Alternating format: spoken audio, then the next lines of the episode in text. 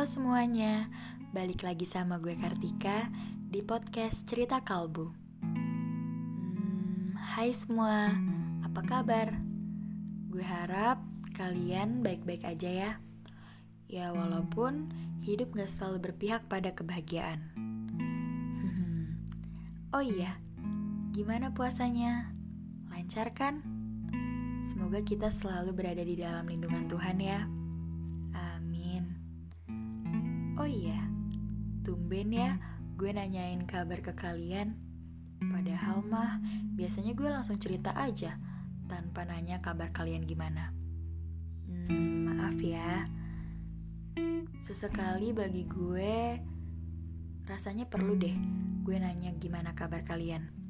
Ya walaupun cuma sekadar basa-basi, tapi yang namanya kabar itu penting kan? Apalagi bagi kalian yang menjalani hubungan, bakalan ada tuh kalimat yang penting tuh kabar. Iya kan? Eh, apa sih gue jadi so tau gini? Oh iya, gue juga mau nanya nih. Udah pada dengerin podcast gue sebelumnya belum? Iya, yang jatuh cinta sendiri. Hmm, ternyata banyak juga ya orang yang ngerasain hal yang sama. Senang sih, karena cerita gue bisa ngewakilin perasaan banyak orang. Nah, ngomongin podcast gue sebelumnya, podcast gue kali ini kayaknya masih berhubungan deh sama cerita yang kemarin. Sekarang gue mau coba cerita tentang apa yang gue rasain saat ini. Hmm, lo tau gak sih gue lagi mikirin apa? Gue tuh lagi mikirin ketika gue memutuskan untuk menjatuhkan hati gue kepada seseorang, seharusnya pada detik itu juga gue sadar akan ada resiko yang bakalan gue tanggung ke depannya. Tapi, kalau dari awal gue udah mikirin resikonya, mungkin gue gak bakalan pernah bener-bener ngerasain yang namanya jatuh cinta. Hal yang paling gue benci adalah ketika perasaan hanya bisa digenggam tanpa bisa disampaikan. Perasaan itu ibarat buku yang ditulis tanpa pernah diterbitkan. Cuma bisa disimpan dan mungkin gak ada satu orang pun yang tahu tentang apa isi cerita di bukunya. Menurut gue, perasaan itu erat kaitannya dengan harapan. Kenapa? Karena ketika kita jatuh cinta, pasti ada aja keinginan yang muncul di isi kepala. Kayak misalnya keinginan dia jadi milik kita gitu. Nah, pasti setelah ada harapan akan muncul ide-ide untuk memperjuangkan harapan itu. Kayak misalnya, gimana ya biar bisa dapetin dia? Oh iya, mungkin bisa dengan cara menyatakan perasaan. Tapi ya itu bakalan susah juga diwujudin. Karena jujur bagi gue, menyatakan perasaan itu bukanlah pekerjaan yang mudah. Dan gue rasa gue gak bakalan mampu. Gue tuh terlalu takut untuk menyatakan perasaan.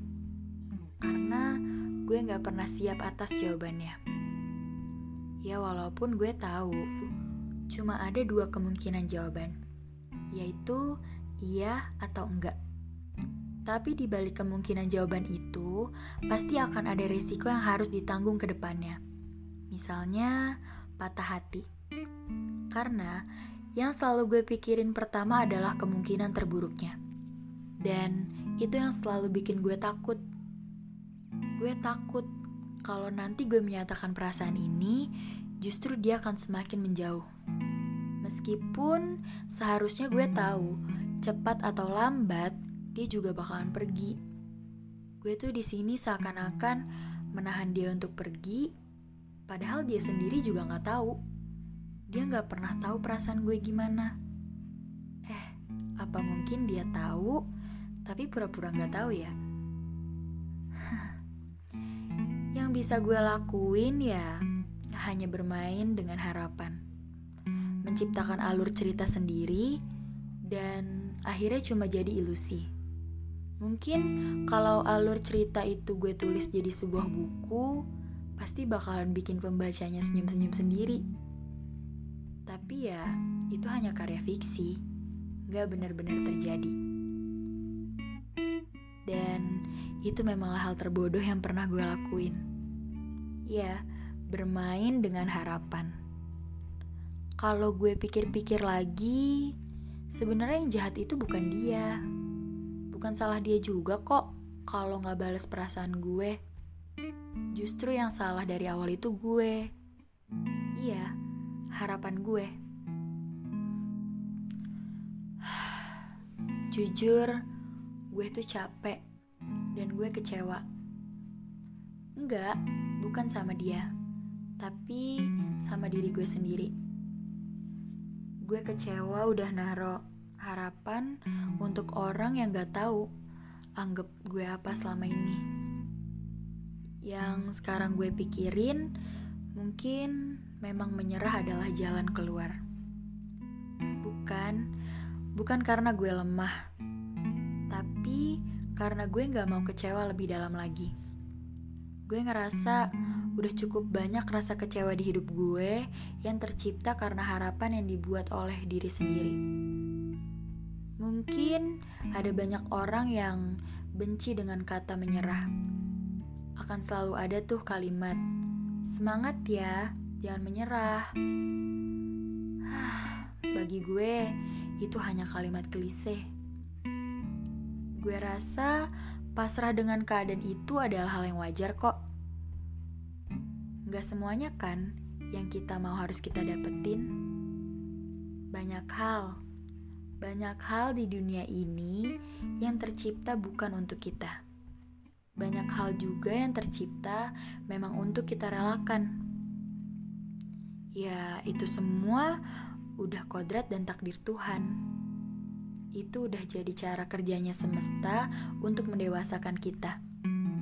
Terus, kalau udah kayak gini, kita mau nyalain siapa? Semesta juga gak rela kali disalahin gitu aja. Udah cukup ya. Cukup bermain-main dengan harapannya.